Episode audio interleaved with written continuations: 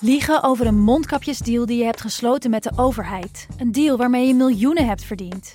Dat doet toch alleen Siewert van Liende? Nou, nee. Ik ben Felicia Alberding en in de Mondkapjesmiljonairs duik ik met een team van correspondenten in andere schandalen. Want wist je dat Siewert helemaal niet uniek is? Luister de Mondkapjesmiljonairs in je Podimo-app. Of ga naar podimo.nl slash mondkapjes. En probeer Podimo 30 dagen. podimo.nl slash mondkapjes.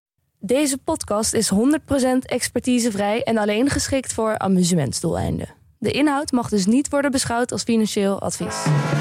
Dit is Jong Beleggen, de podcast. Ik ben Milou. En ik ben Wim. En in deze aflevering in de serie Grote Beleggers, ditmaal Terry Smith. Ja, een Britse belegger die echt gaat voor kwaliteit in zijn beleggingsstrategie. Ja, supergoede bedrijven die lang kunnen bestaan. Uh, hij is boekhouder van origine en dat zie je wel terug in zijn liefde voor cijfers en metrics. Hè? Ja, zoals uh, ROIC, bruto marge en vrije kaststroom. Ja, en we leggen uit in wat voor bedrijven hij belegt en uh, ook vooral in welk juist niet. Ja, echte compounders. Quality investing. Yes, daar gaan we.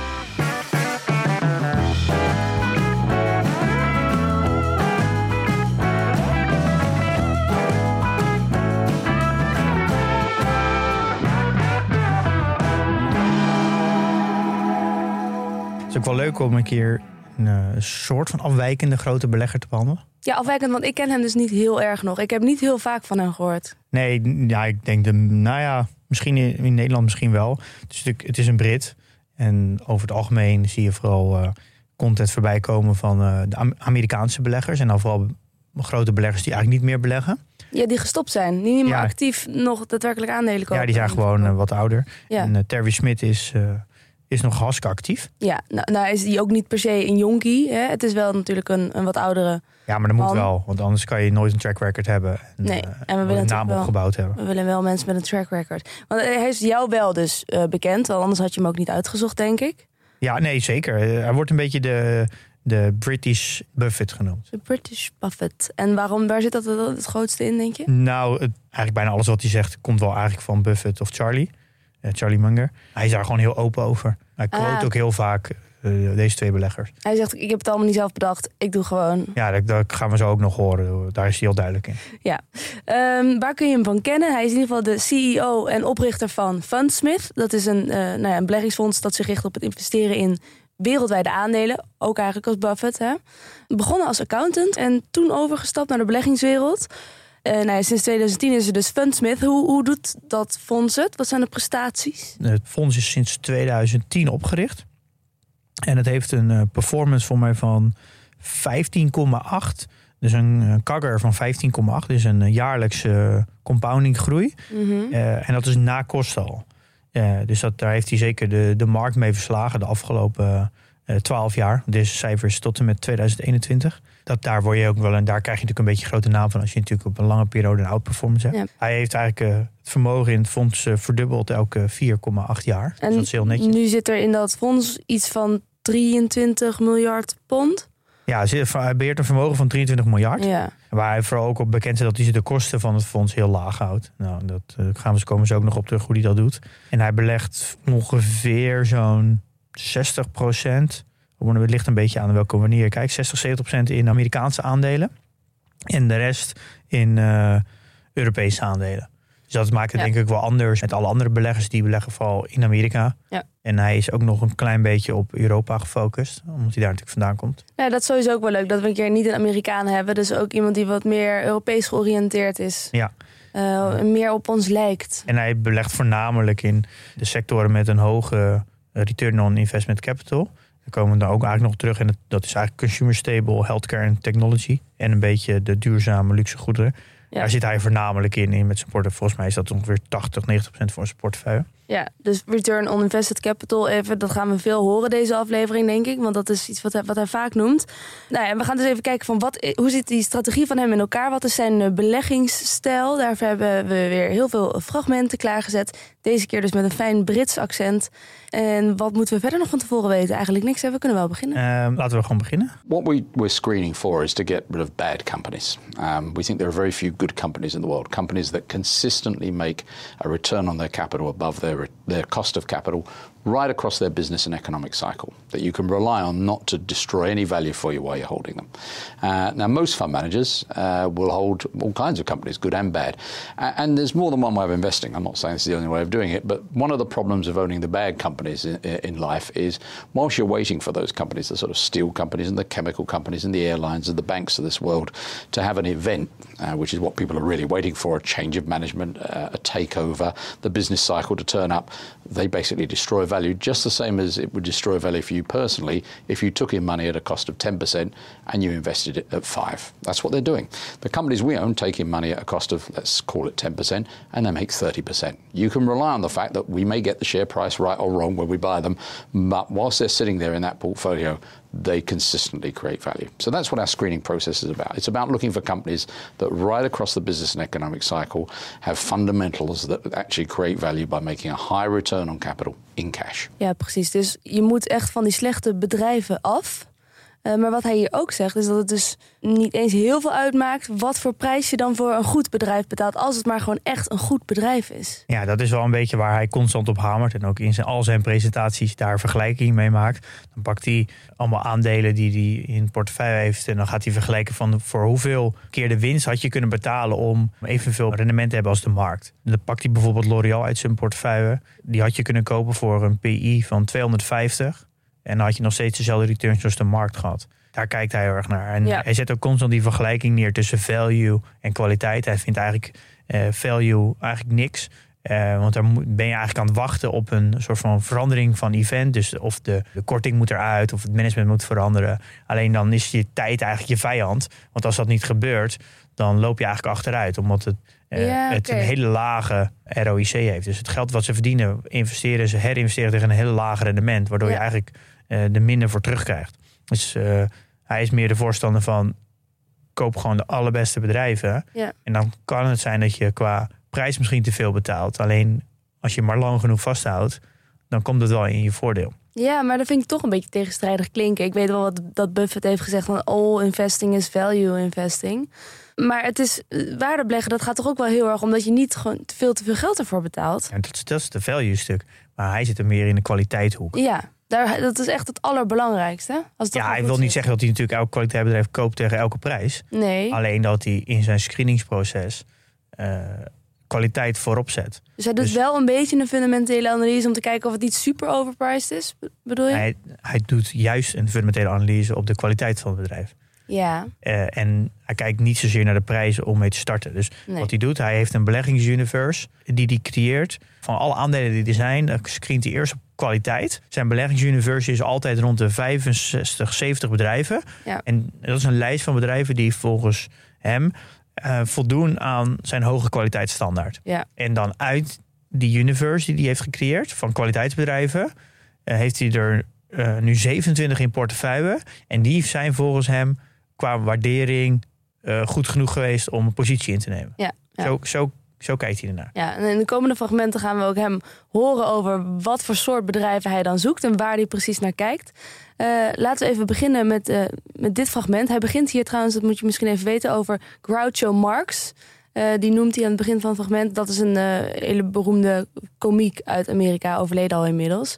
en die komiek heeft ooit gezegd: I refuse to join any club that would have me as a member. Last point on this: we're the Groucho Marx of investment. We don't invest. Groucho Marx famously would never join any club that have him as a member. We would never invest in any company that needs our money. We don't like companies that are quoted because they need to keep raising capital. Call us old fashioned, but our view of an investment is something that gives us cash through the dividend, not we keep giving them cash. Um, these companies that we own are not quoted because they need access to capital. Their cash flow is so wonderful, they don't need any more money. They are only quoted because they were once family owned. And as we know, families, as they become more dispersed and ownership is dispersed, eventually have to have a realization event. People don't want to work in the family business anymore. People lose money. They have to realize. So companies become public in these sectors because of those events. As a result, we're interested in sectors where there's at least one major company that's not quoted because it tells us that companies in that sector can survive without ever coming to the stock market. So, confectionery, we like confectionery. It's a small ticket consumer, non durable. It's an everyday luxury item for people. Mars. Mars is one of the world's biggest confectionery companies and it's private. So we like that. So those are the sort of companies that we like. long-standing, resilient companies that don't need our cash. Ja, op zich zit er natuurlijk iets in. Als het bedrijf zijn eigen broek op kan houden. Ja, nee, natuurlijk. Eigenlijk is dit. Ja, dat klopt volledig. Wat wel leuk is, omdat hij praat heel veel over waar hij niet in belegt. Daar eh, praat hij heel veel over. Ja. En dit is natuurlijk weer een mooi voorbeeld. Ik moet heel erg denken aan de, ja, aan de VC-markt, aan eigenlijk het investeren in start-ups. Daar heb je ook een beetje die contradictie vaak. Is dat de bedrijven die geld nodig hebben, die, die komen naar jou toe. Die staan op crowdfunding platformen. Die komen ook naar mij toe van eh, ja, investeer jij in start-ups. Ja. Maar het, mijn gevoel zegt altijd, ja, als iemand heel erg hard geld nodig heeft, dat betekent eigenlijk dat ik er niet in wil investeren. En want ik ben dan altijd de derde, vierde, vijfde keuze als ze geld ophalen. Mhm. Dus eigenlijk, je wil het liefst investeren in bedrijven die geen geld nodig hebben. En dat is eigenlijk maar één manier om dat goed te doen, is door een heel goed netwerk te hebben. En dan, eh, ja, dan kom je bij bedrijven terecht die mogelijk niet echt geld nodig hebben. Ja. En dat maakt het in, vind ik, investeren in startups heel moeilijk. Want Daarom is het netwerk heel belangrijk. En wat hij zegt is natuurlijk heel duidelijk. Is je bedrijven die naar de beurs gaan, die het echt voor het geld doen, ja, dat wil je eigenlijk niet in eerste instantie helemaal niet bij zitten. En dat nee, is, ja, maar dat is op zich best wel tegendraadse manier van ernaar kijken. Want het is ook weer heel normaal om... Ja, bedrijven hebben geld nodig, daarom eh, trekken ze investeerders aan. ja, natuurlijk, maar dat, dat klopt. Maar daar, zit het, daar is het risico natuurlijk groter. Ja. Want dat betekent dat ze dat geld nodig hebben om te overleven. En, en, en alleen dat geld, daar overleven ze niet mee. Dat, Ja. Daar moeten ze ook wat leuks mee doen. Dan overleven ze pas. Dus je risicoprofiel gaat omhoog. Ja. Dus je wil natuurlijk liever aandeelhouder worden in een bedrijf die het geld eigenlijk niet nodig heeft. Maar dat je het overneemt van een, een, ander bedrijf, een, andere aandeelhouder of iets. En dan geeft hij als voorbeeld familie. eh. En het is natuurlijk ook een mooi voorbeeld dat hij wil het liefst bedrijven hebben die niet kapitaalintensief zijn. Eh, dus die niet constant geld nodig hebben. ja. En daar geeft hij ook in hetzelfde fragment, die gaat wat langer door over de franchises, bijvoorbeeld McDonald's en zo. Dat dat eigenlijk een fantastisch model is, omdat namelijk het risico wordt gedragen door de, de franchise-nemer. Mhm. Dus die moet geld lenen en McDonald's vangt dan de royalties. Dus die hoeft niet zelf die investering te doen. En als het mislukt, dan maakt het voor McDonald's niet uit, want die zoekt gewoon een nieuwe. En de, Er zijn Eh, genoeg andere franchises. ja, en de royalties worden ontvangen door McDonald's. Daarom zegt hij dat franchise een heel goed investeringsmodel is. ja. En dan komt hij ook met voorbeelden dat bijvoorbeeld Subway en zo allemaal niet eh beursgenoteerd zijn. Omdat ze ja, geen kapitaal nodig hebben om- Ja. door dit model. En daardoor is het een goede model, omdat er dus bedrijven zijn die niet beursgenoteerd zijn. Ja, maar hoe kun je nog verder zien, behalve dan of ze be- beursgenoteerd zijn of niet, of een bedrijf jouw cash nodig heeft om te overleven? Nou, hij geeft een heel mooi voorbeeld dat, dat er een concurrent is dat niet beursgenoteerd is. Dat is al een Ja. mooie indicatie dat, eh, dat, Ja. eh, dat eh, die sector het niet nodig heeft. Precies, dan kun jij zelf denken van, ah, dan heeft die dat misschien ook Ik niet. weet niet of dat helemaal meer opgaat, want over het algemeen wordt steeds meer technologie. Mhm. En bij technologie is het natuurlijk ook tegenwoordig heel makkelijk om privé aan, aan geld te komen. Dus via bijvoorbeeld crowdfunding of venture capital. En dit fragment komt uit nou, ver terug. Ja. En daar was eigenlijk de beurs de enige mogelijkheid om kapitaal te halen. En dat is wel een beetje veranderd nu. In het volgende fragment eh, zegt Terry Smith iets over zijn investable universe. Hij eh, maakt daarin ook duidelijk dat hij niet dol is op tech. Laten we even luisteren. Yeah, look, we kick the tires pretty regularly uh, on companies to try and find new companies to come into what we call our investable universe, which currently consists of 65 companies that we would be prepared to invest in if the price was right. And it's a continual search for that. And yet we do look on the sort of the frontiers of things to see uh, in terms of medical devices and in terms of installed bases of software and payment systems for what's emerging. So it's not just the case that we look at companies that have been around for 100 years, although on average they have been around for 100 years, uh, fun enough. On the whole, though, uh, we're really suspicious of new technology. It's really difficult to evaluate. Um, I think most of us are bad at it. So, for example, if I'd owned Sony when Sony dominated mobile music through the Walkman, would I have spotted the rise of the MP3 player and the iPod? I don't think I'd have got it. If I'd have owned Yahoo when they were the kings of search, would I have spotted that Google were going to come along and, uh, uh, and destroy their business effectively? I don't think I'd have got it. So we really like old line technology and there's stuff that doesn't change very much over time. For example, we like elevator and escalator companies. Um, the, the safety elevator was patented by Mr. Otis in about 1850. And you know what? It hasn't changed significantly since. And I don't think we're suddenly going to be startled by coming in one morning and finding people have got a new way of moving people up and down high buildings. So that's the sort of thing that makes our, our uh, pulse quicken, is that kind of old line technology. Ja, daar gaat hun bloed sneller van stromen. Van de saaie bedrijven die heel voorspelbaar zijn, waar Ja. ja. Ja, niet zo heel veel verandering eh, voorspeld moet worden. Ja, ik heb wel meer fragmenten eh, gepakt die ook wat recenter zijn over dat hij praat over technologie. Want ik vond ik wel interessant, want dit is namelijk, hij legt wel denk ik goed uit waarom bijvoorbeeld Warren Buffett ook weinig in technologie doet. Het gaat verder dan alleen dat het niet hun circle of competence Ja, is. veel hè? verder dan dat. Dat wordt vaak gezegd, maar het gaat veel verder. Is namelijk de, de karakteristieken van een technologiebedrijf, die passen niet zo goed in de manier hoe zij willen beleggen. Zij willen heel graag aandeelhouder zijn voor de rest van hun leven en eigenlijk er niks meer aan doen. En als je belegt in kwaliteit, dan is daardoor de prijs vaak wat hoger. Ja. Om dat goed te maken, moet je een, een hele lange periode, een soort van een hele lange holding period hebben. Dus eigenlijk bijna forever. Dan maakt de prijs waarvoor je het nu betaalt eigenlijk niet zoveel uit. Alleen het probleem is heel erg met technologie. Het is gewoon heel moeilijk om vooruit te kijken dat technologie altijd zijn waarde houdt. Eh, omdat er gewoon heel veel disruptie is. Vooral de, de markt beweegt gewoon te veel voor deze type beleggers. En ik denk ook wel, er wordt ook heel vaak gezegd dat de holding period van beleggers wordt steeds korter. Ja, er wordt dan heel erg als argument gebruikt. Ja, dat komt omdat er nu heel veel appjes zijn en steeds meer eh, makkelijker wordt, wordt goedkope transactie. Dat is een beetje de conclusie. Maar ik zie wel echt een, een hele duidelijke trend met de opkomst van technologie en de lijn hoe lang we gemiddeld een positie vasthouden. En ik denk dat die twee dingen, die kan je bijna op elkaar leggen. Mhm. En dat heeft eigenlijk ook heel, het is ook wel heel logisch, want dat zegt hij eigenlijk ook in een fragment, komen we later op terug. Als je een technologie in portefeuille hebt, moet dat anders behandelen dan andere bedrijven, omdat die gewoon veel meer, die zijn veel bewegelijker. Daar gaat het, kan het gewoon veel sneller een foute kant op gaan. Dus je moet daar een andere, eh, ja, met andere gedachten moet je die positie Ja. behandelen. Ja, behalve bij een Google of eh, een Nee. Apple. Of nee, niet? ja, juist ook. Juist. Want die lijken zo vast en gevestigd. Nou ja, dat is n- nog helemaal niet als je het afzet tegen de bedrijven zoals een Coca-Cola of een Otis die die noemt. Mhm. Dat zijn bedrijven die meer dan 100, 100 jaar bestaan. Ja, dat is Eh, de- ja, we hebben niet echt hele goede voorbeelden van technologiebedrijven die lang bestaan. Want dan kom je bij eh, een IBM uit of zo, of een eh Xerox, nou, al heel veel partijen die niet eens, niet eens meer bestaan, HP. En Microsoft heeft natuurlijk ook een momentje gehad dat die bijna ten onder ging. Ja, En daar gaat, zegt hij ook nog wat over later. Dus het, in technologie beleggen is gewoon heel moeilijk. Hij zegt hier, we moeten erin beleggen. Want we kunnen gewoon niet een outperformance halen als we niet in technologie beleggen. Alleen het matcht eigenlijk niet met onze beleggingsstrategie. Dus we moeten technologie anders behandelen. Ja. En dat kan er zijn dat we daardoor korter vasthouden dan wat we eigenlijk zouden willen. over outperformance gesproken. De algemene manier om een rendement te maken en een, een, een outperformance is toch vaak dat je een bedrijf op een lage prijs koopt en op een hoge prijs weer verkoopt. Eh, hij krijgt dit ook voorgelegd eh, door een, een eh, interviewer in een gesprek en dit is hoe hij reageert. Um, yeah, you're right. That's how some value fund managers seek to do it. Um, I have to say, looking at the average results of the industry, not very many of them seem to manage to achieve outperformance with that. And one of the problems with that strategy is this: if you buy your poor company, apart from the fact that uh, it does destroy value whilst you wait, if you get the your timing roughly right, yeah, it'll make some value for you. It'll create it'll create some performance for you. The problem is then you have to go find another one. Whereas with our companies, if we select them right, we never have to go and find a new company. We can sit there, not deal, and as a result, cut down the costs of running the portfolio. Um, are they too expensive? One of the things that we're really bad at as investors is judging the outcome of differential rates of compounding. If you have a thousand pounds that you invest for 30 years, so an investment lifetime, I would say, roughly, uh, and you invested at 10%, you'd have 17,000 pounds at the end.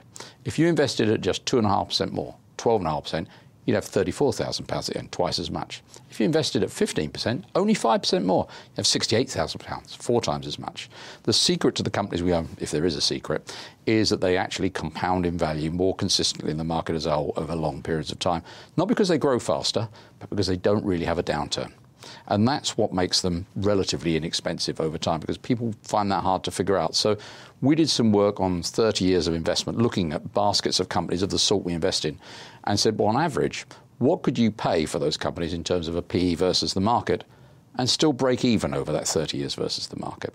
And you know, on average, you could pay nearly four times the market PE and still break even. Now, if my fund was sitting here today on twice the market PE, which it isn't, I think you'd say it's too expensive. Your value investors would say that. I'd probably say that.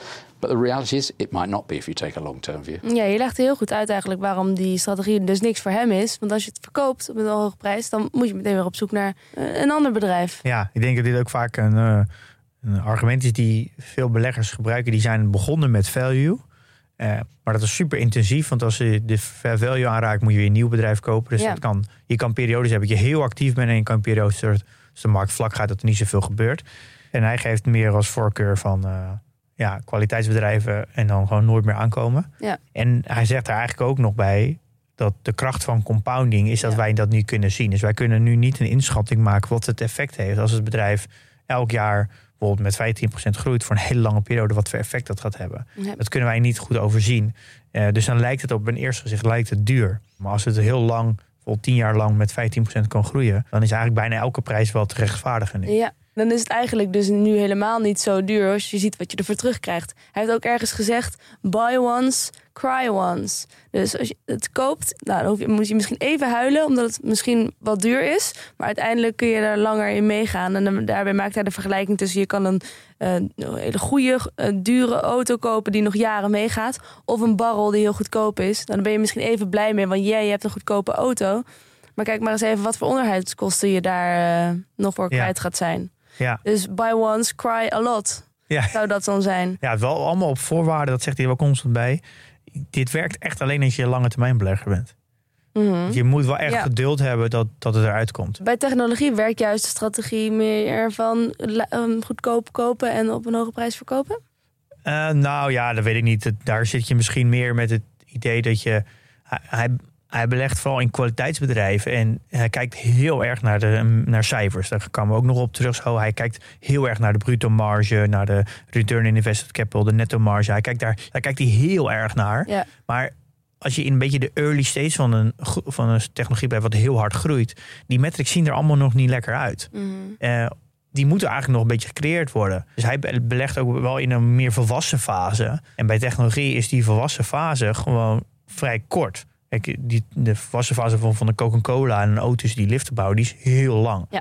En ik denk bij technologiebedrijven is die groeifase heel lang. Maar die volwassen fase is tot nu toe nou, vrij kort gebleken. Ja. Ja, dat is gewoon een hele andere game. Ja, het is een- wel echt een... eh, ja, dat klopt, ja. Nou, tot zover zaten we vooral op het eh, meer wat is de strategie, wat is zijn beleggers-universe. Nu gaan we even wat meer kijken eh, specifiek naar het bedrijfsniveau van wat voor bedrijf zoekt hij nou en, en, en hoe ziet hij dat? high returns on capital. Why is this important? Companies are just like us. People overcomplicate analysis. Uh, companies have a cost of capital and a return on capital. If they make a return above their cost of capital consistently, then the value of the company grows over time. If they make a return below their cost of capital consistently, the value shrinks over time. Think of it in personal terms. If you go out to your bank and borrow money at 5% and you invested in Fundsmith for the last decade at 18%, you would have become more wealthy. Right? If you borrowed from your bank at 5% and invested in somebody else's under 2% return, you would have become poorer. This is not, uh, we don't need to get into um, higher mathematics here or any particularly sophisticated level of thinking. It's a fact. This is, this is the case. Yet, since Warren Buffett wrote that in his annual report in 1979, I would say more people in the investment community have ignored it than have used it. Ja, hier legt hij dus eigenlijk uit waarom hij dat return on invested capital zo belangrijk vindt. Ja. Hè? Als je echt een lange termijn belegger bent en je wil de allerbeste bedrijven, is dit de allerbelangrijkste metric. Want dit zorgt ervoor eh, dat als elke keer als een bedrijf geld verdient, eh, dus eigenlijk vrije kaststroom heeft, dan he- hebben ze natuurlijk de optie om het uit te keren aan aandeelhouders, zoals bijvoorbeeld dividend of share buybacks. Maar ze kunnen het ook tegen een, een hoge return herinvesteren in het bedrijf. Ja. En En daar waarde uit halen. ja, en dan gaat, echt, dan gaat het natuurlijk compounden. Dat is ook wat we organische groei noemen, toch? Ja, je hebt natuurlijk eigenlijk organische groei nodig, het liefst, eh, tegen een hoge return. Dat ze eigenlijk zo samengevat zijn waar die op screent. Hij wil bedrijven met een hoge return on invested capital en die een langdurige groei hebben. Dat is, dat is een soort van de, de gouden combi die je, waar hij naar zoekt. Dan is het een soort van je tijd je vriend. Want als een bedrijf dat heel lang kan doen, maakt het eigenlijk niet zo uit wat, wat je ervoor betaalt, even gechargeerd gezegd. Ja. Want dan komt het wel naar je toe. Want dan gaat ja, zijn bedrijf een ROIC van 25. Dus het kan het geld wat het verdient weer herinvesteren tegen een rendement van 25% En dan kan jij als, als eh, soort van belegger eigenlijk... dan hoef je alleen maar te wachten. Want als jij het zelf zou ontvangen als dividend... Dan zou je het, en je investeert het bijvoorbeeld in de index... dan heb je maar 8 Ja. Eh, daarom, hij quote ook Charlie Munger die zegt... op echt op lange termijn, over eh, een periode van 40 jaar... gaat uiteindelijk de beurskoers de ROIC volgen. Want dat is de, het rendement wat uiteindelijk wordt gemaakt. Ja. En dan is eigenlijk de, de prijs waarvoor je instapt... maakt niet zoveel uit. Eh, maar dat geldt alleen als we het over, over een hele lange periode. Ja, ja. of uh, zoals Warren Buffett dan ooit heeft gezegd: Time is the friend of wonderful business and the enemy of the mediocre. Ja, exact hierom eigenlijk. Ja. ja. Want het compound natuurlijk twee kanten op. Dus als je uh, bijvoorbeeld een, een index van 8% hebt en een bedrijf heeft geen 8% ROIC, dan gaat het uiteindelijk een underperformance maken op de index. Alleen je kan er wel een outperformance op halen als je hem gewoon lager koopt. Ja, Terry Smith voegt nog iets toe over dat belang van die ROIC. People spend almost their entire effort thinking about whether something's cheap or expensive, highly rated or lowly rated, which I guess is a better way of expressing it, and far too little deciding whether it's high grade business that they really want to own that can compound it back. Nou ja, als het nog niet duidelijk was, je moet niet alleen maar je blind staren op die prijs. Ja, ik begrijp het wel dat value ja, misschien is het een schijngevoel, maar het geeft een gevoel van veiligheid, omdat je iets goedkoop hebt gekocht. Ja, dus je werkt ook met die. Uh, je, werkt met, je werkt met een margin of safety. Ja. Dus het geeft wel een veilig gevoel. En als je natuurlijk belegt in uh, meer compounders, de kwaliteitsbedrijven, dan, dan is eigenlijk je soort van je vangnet, is dan je fundamentele analyse. Dus heb je het bedrijf zo goed geanalyseerd en is het echt een kwaliteitsbedrijf? En daar zit je vangnet dan in. Dus dan kan je eigenlijk best wel achteroverleunen, uh, vijf à tien jaar lang. Uh, als je daar echt heel veel vertrouwen in hebt. Dus ik denk dat een goede fundamentele analyse uh, vergt ook veel ervaring en veel vertrouwen. En dat dat eigenlijk over tijd steeds meer komt. En dat het leren waarderen wat makkelijker is. Daarom zie je denk ik ook dat de beleggers die wat ouder zijn, zijn allemaal begonnen met value en schuiven langzaam naar meer kwaliteit. Ja. Ik denk dat het ook een stukje dat, dat je gewoon veel meer vertrouwen krijgt in fundamentele analyse. En ook wel vertrouwen hebt dat kwaliteitsbedrijven over de lange termijn het goed doen. Precies. Um, in het volgende fragment doet hij een, een klein quizje met zijn, met zijn publiek. Uh, hij heeft het over twee bedrijven, bedrijf A en bedrijf B. Die hebben allebei een verschillende ROIC en een verschillende waardering. En hij uh, heeft het over welk bedrijf uiteindelijk nou de, de hoogste return heeft. A, with a 20% return on capital, bought on four times book and sold on two times book, would give you a share price return of 18% per annum in compound annual growth.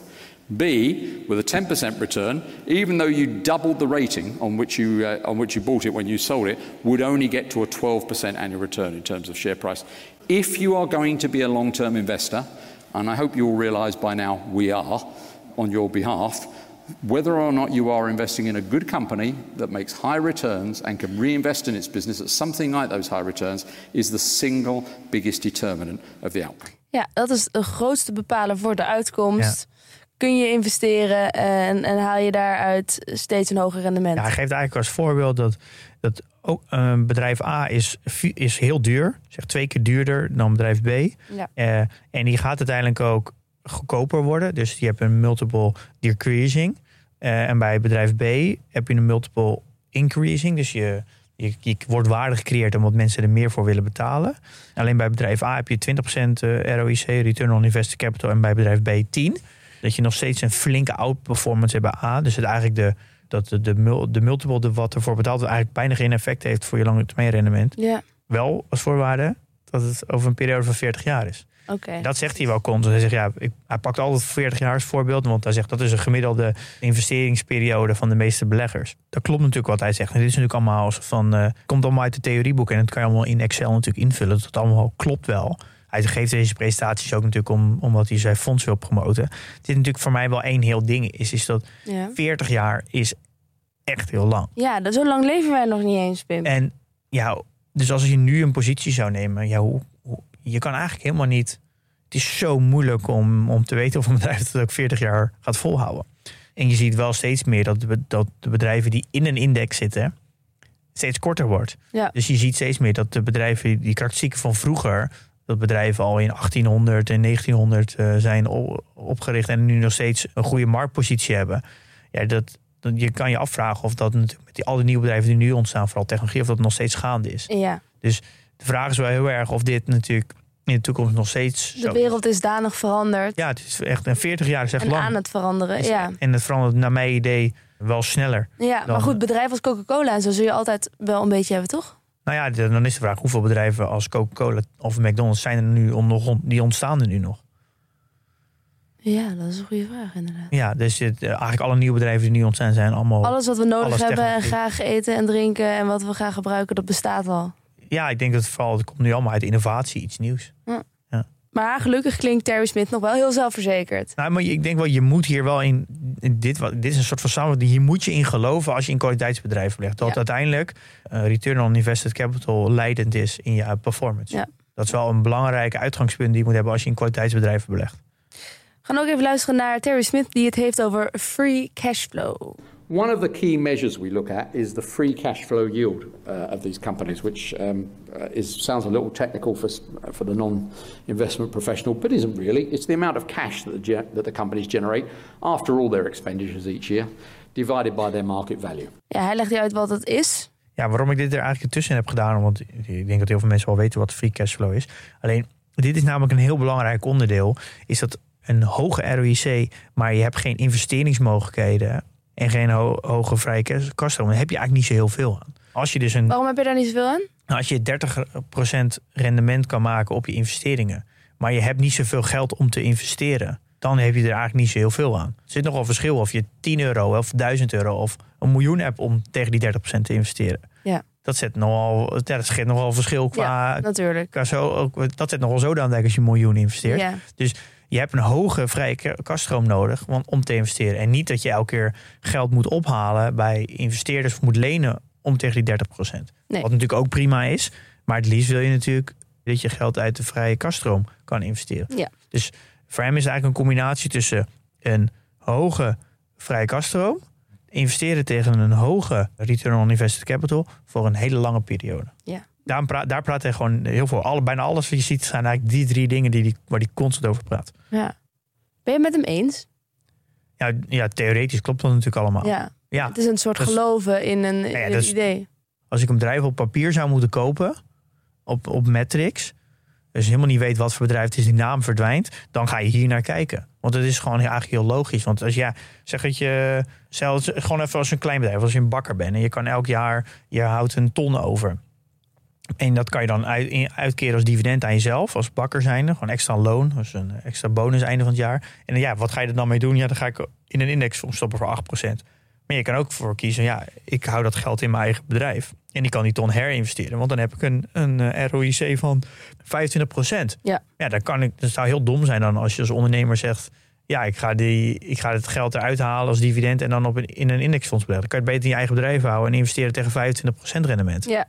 Eh, Daar hebben we weer het, het oude riedeltje dat dividend uitbetalen ook een beetje een, een zwaktebod kan zijn. Van Ja, als je, ja, een bedrijf keert natuurlijk dividend uit... als ze natuurlijk zelf geen voldoende investeringsmogelijkheden meer... en Nike Ja. zegt, ja, als aandeelhouder...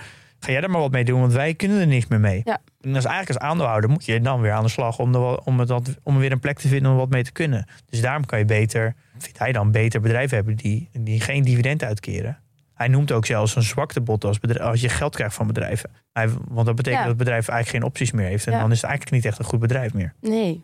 Zo kijkt hij ernaar eigenlijk. Nou, leuk dat je het zegt, Pim, want eh, dat zit eigenlijk ook allemaal precies in het volgende fragment. Return on capital is the single most important thing. There's no point in engaging in a business that has low returns on capital. I haven't bothered today because we've got limited time, but we can show you a slide for the airline industry, uh, which never makes an adequate return on capital, and it is just a machine for losing money. Basically, that is there is no point in investing in business having adequate returns.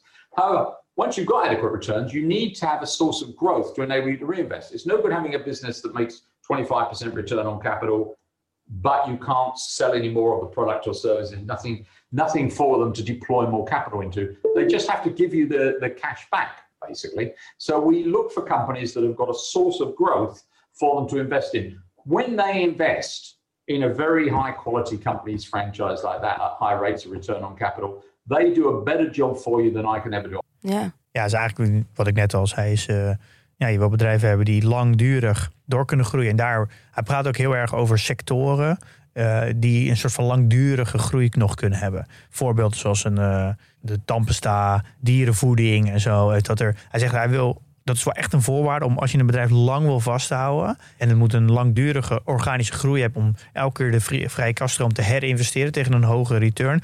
Heb je wel een soort van hele lange weg nodig waar het nog kan groeien. Dat is wel echt heel erg belangrijk.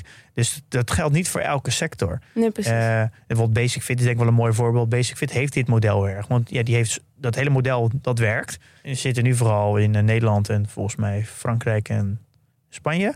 Nou, daar kunnen ze nog heel erg uitbreiden. Ze kunnen ook naar Duitsland. Ze kunnen nog in naar heel veel Europese landen. Dus de route om... Er zitten volgens mij nu 2000 sportscholen of zo. Maar ze kunnen makkelijk naar 5000, 6000. Ze kunnen gewoon naar meer landen toe. Ja.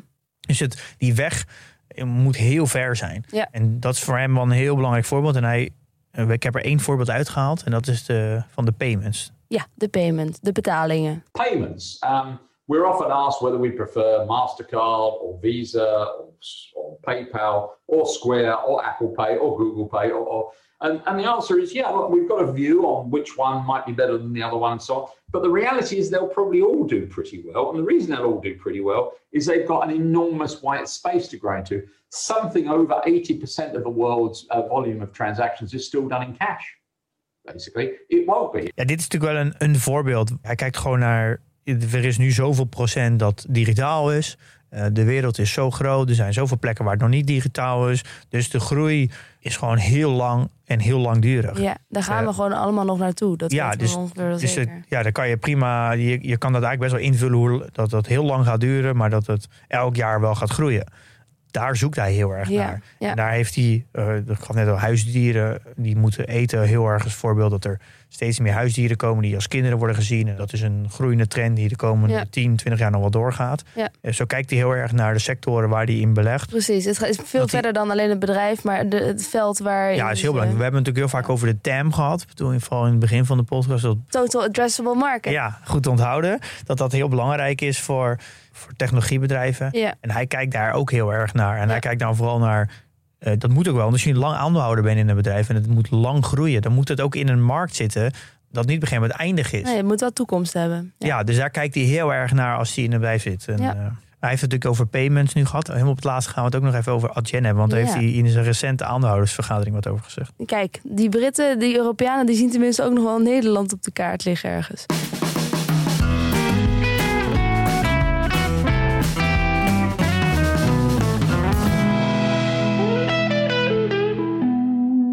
We zijn er bijna doorheen. Ik wil nog even een fragmentje laten horen ehm, over market timen. Want dat doen we eigenlijk bij elke grote belegger tot nu toe. Wat is hun kijk op? Kun je de markt voorspellen? En hoe, eh, moet je daarmee omgaan? Laten we even luisteren.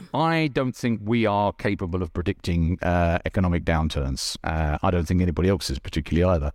Historically, they've mainly occurred as a result of the interest rate cycle. Inflation takes hold, central banks put interest rates up.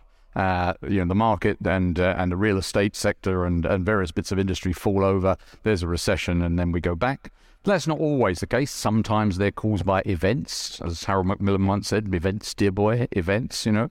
Uh, in 1973, we had the Yom Kippur War. In 1990, we had Saddam Hussein invading Kuwait. So sometimes it's a completely out of left field thing that you didn't see that gets you. I don't think we've got any particular ability to predict that.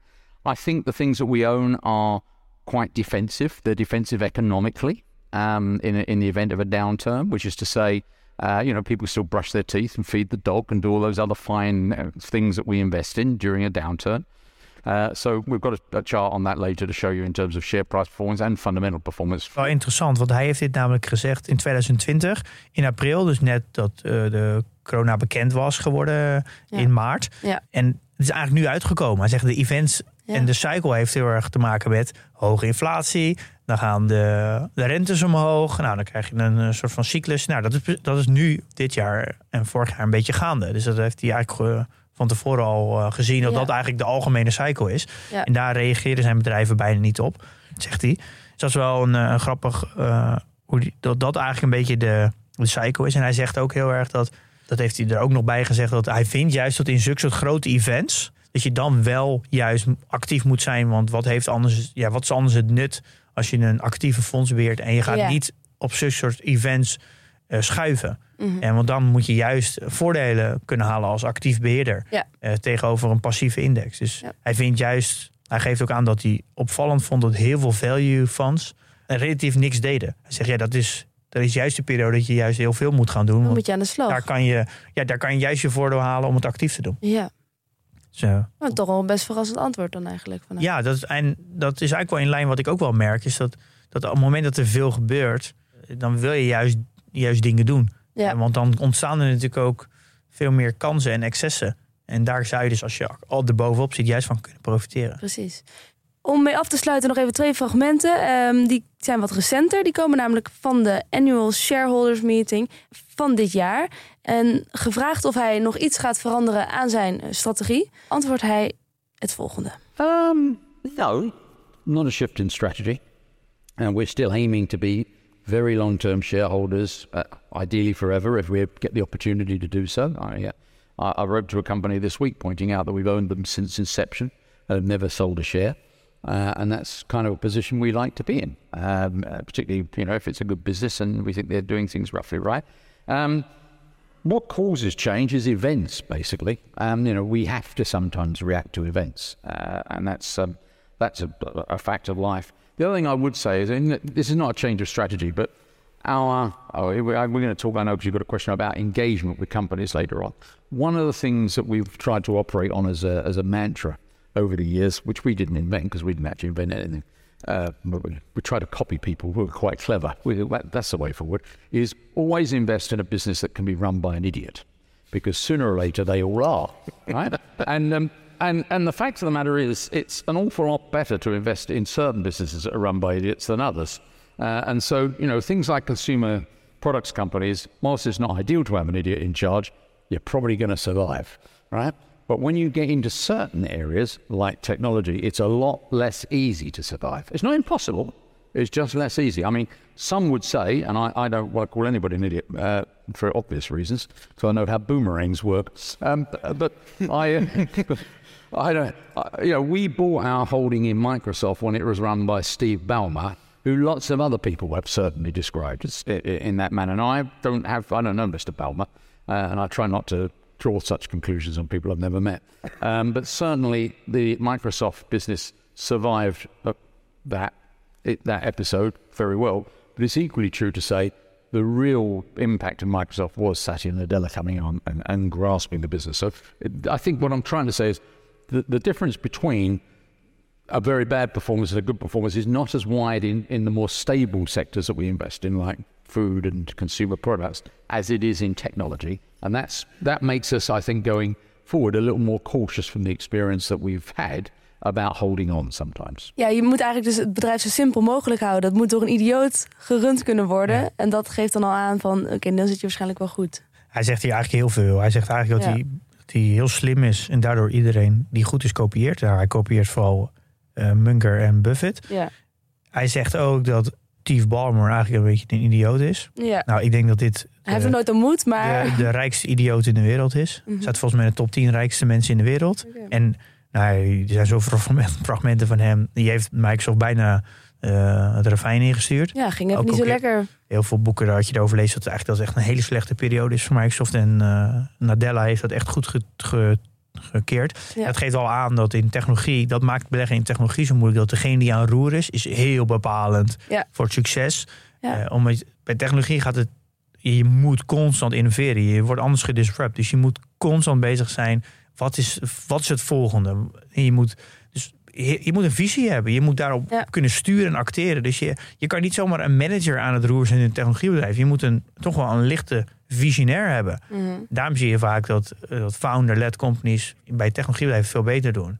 Ik denk als taak, uh, als je dus niet meer een founder hebt zitten, dat je toch een soort van visionair aan het roer kan krijgen. En daardoor vindt hij het heel moeilijk om in technologie te beleggen. Ja. Maar hij moet wel in technologie beleggen, anders kan hij geen outperformance halen. Maar dat betekent wel dat hij uh, zijn beleggingsstrategie misschien wat moet aanpassen en zijn holding period flink moet verkleinen omdat het met technologie gewoon ja, kan zijn dat het gewoon sneller verandert. Ja. Want zijn uh, holding period is echt heel lang. En zijn, dus zijn turnover rate, waar je dan over praat, daar staat hij vooral heel erg bekend over, is echt heel laag. Dat is uh, een beetje tussen de om de bij 5% Volgens mij is het gemiddeld 20, 25% in de industrie. Dus hij doet gewoon echt heel weinig. Dus, Wat betekent uh, dat turnover? turnover rate betekent hoe vaak je uh, wisselt van aandeel, even simpel gezegd. Dus hoeveel procent van het kapitaal verschuif jij naar nieuwe aandelen? Ja, oké. Okay. Uh, hij houdt ze echt lang vast. Ja, ja dat, dus de, de, turnover rate is een ja, percentage die je kan ja. berekenen. Waar gewoon een vaste berekening is door de, voor de industrie. Om te berekenen hoeveel, ja, hoeveel handel je eigenlijk. Ja. Dat kunnen we eigenlijk in PDT ook wel een keer bouwen. Ja. En daardoor heeft hij ook een hele lage, uh, heeft een lage kostenbasis. En dat is ook wat hij probeert, dat hij elk jaar zijn kosten om en bij 1% probeert te houden. Ja. Eh, en hij, dat is ook wat we mooi van al zijn presentaties. Hij is heel erg van de cijfertjes. Dus hoeveel procent bruto marge heeft zijn portefeuille bij elkaar versus de index? En wat Mhm. zijn eh, return on invested capital en Het is, cashflow het is echt een accountant. Ja, Zoals hij ooit begonnen ja, is. heel erg. Ja. Ja. En al zijn presentaties laat hij ook al die cijfers zien. En laat hij ook van elk jaar zien naast elkaar. En dan kan je de trendlijn zien. Eh, daar kijkt hij heel erg naar. Dus, Ja. Het fonds is flink gezakt vorig jaar. Mm. Iets van 18% Maar hij geeft aan dat, dat, dat het een, een koers is. Maar dat het fundamenteel, dus naar de, als je naar de cijfers kijkt... dat het eigenlijk helemaal niet slechter is geworden. Dus, er is een, eh, dus daar kijkt hij vooral naar. Alleen maar naar, naar de cijfers. En niet naar de koers.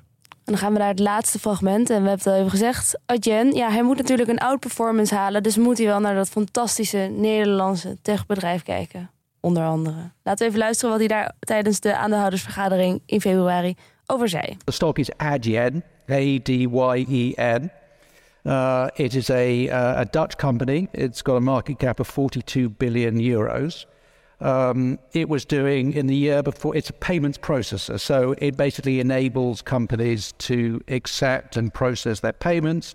It, it does it both online and offline. So it does it for Nike, but it also does it for Domino's or McDonald's.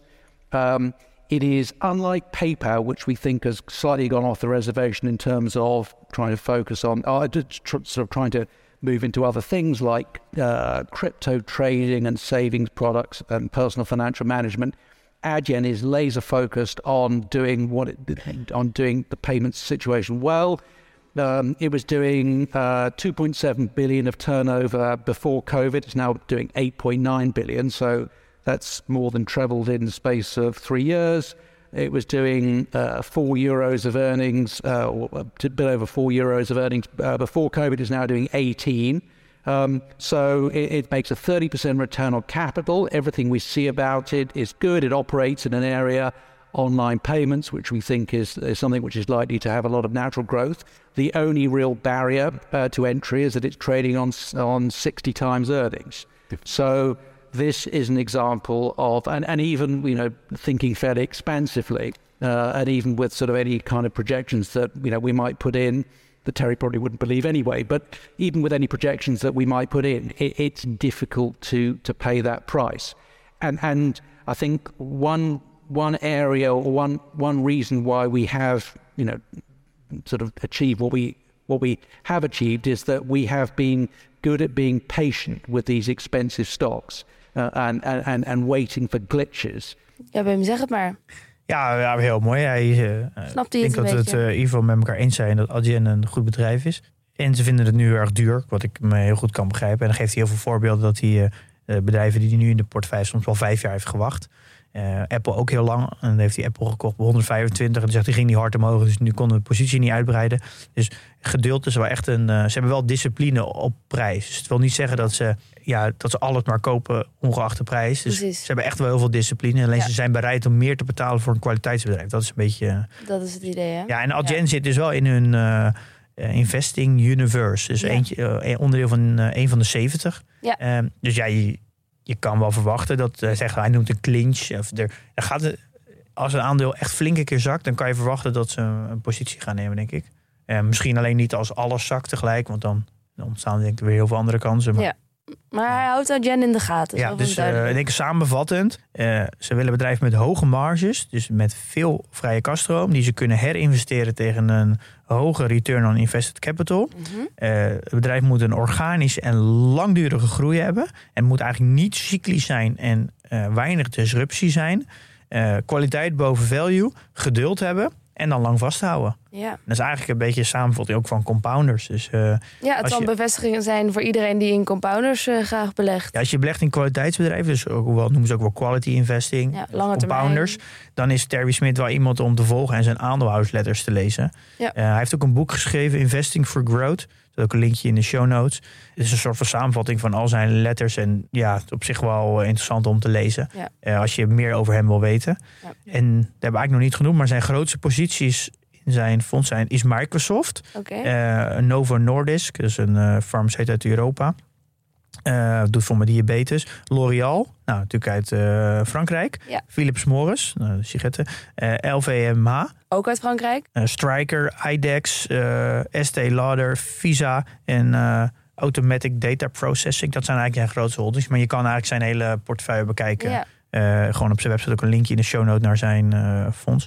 En wat ik ook nog heb gedaan, ik heb een, eh, een lijst van eh, ongeveer 220 bedrijven die zijn samengesteld door eh, iemand op Twitter. Die heel lang bezig is met quality, dus echt zo'n quality investor, hoe hij zichzelf noemt. En die heeft een lijst gemaakt van 220 bedrijven die volgens hem goed zijn. En dan nou opgedeeld in landen. Dus Noord-Amerika en dan Canada en Amerika, maar ook heel veel Europese landen. Dus als je om even naar te kijken. van dit type beleggen houdt, eh, kan je Ja. eigenlijk deze lijst even kijken. En dan kan je allemaal, eh, allemaal kwaliteitsbedrijven zien. Is een soort van screener die je dan kan gebruiken waar je naar kan kijken. Nou, wat een service weer van jou, Pim. Over Ja. compleet, zou ik bijna zeggen.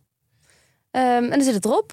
We zijn door Terry Smith heen. Ja, wa- wat nog wel leuk is om te zeggen, is dat alle beleggers, vooral de beleggers die heel bekend zijn, dat zijn vooral oudere beleggers.